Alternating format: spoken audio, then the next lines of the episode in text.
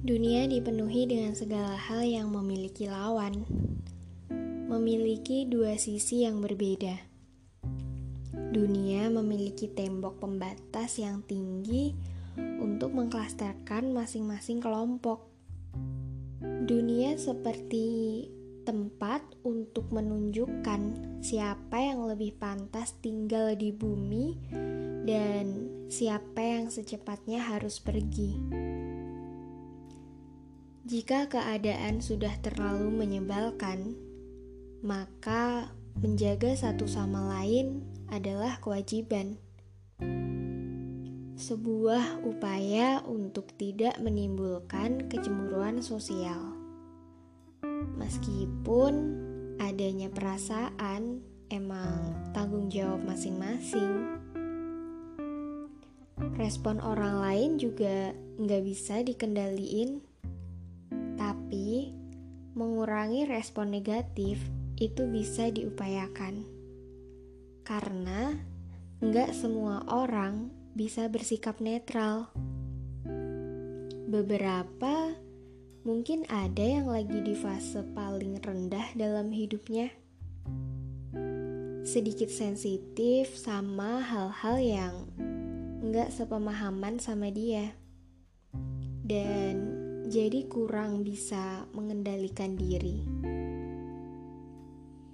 Beberapa mungkin akan mengalami mental breakdown. Beberapa juga mungkin baru saja kehilangan apa yang kamu perlihatkan. Kadang kalau lagi bahagia emang suka lepas kontrol ya.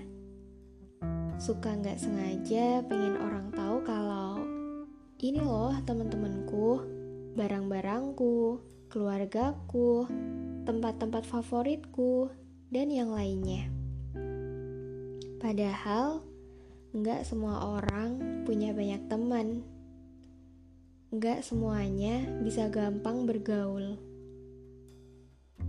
Dan ada beberapa juga yang lagi berjuang mati-matian buat punya barang itu.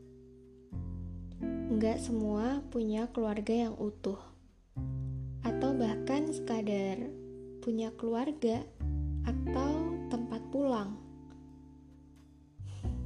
Ada juga yang nggak punya tempat favorit, atau masih nggak paham sama konsep favorit itu sendiri tuh kayak gimana sih?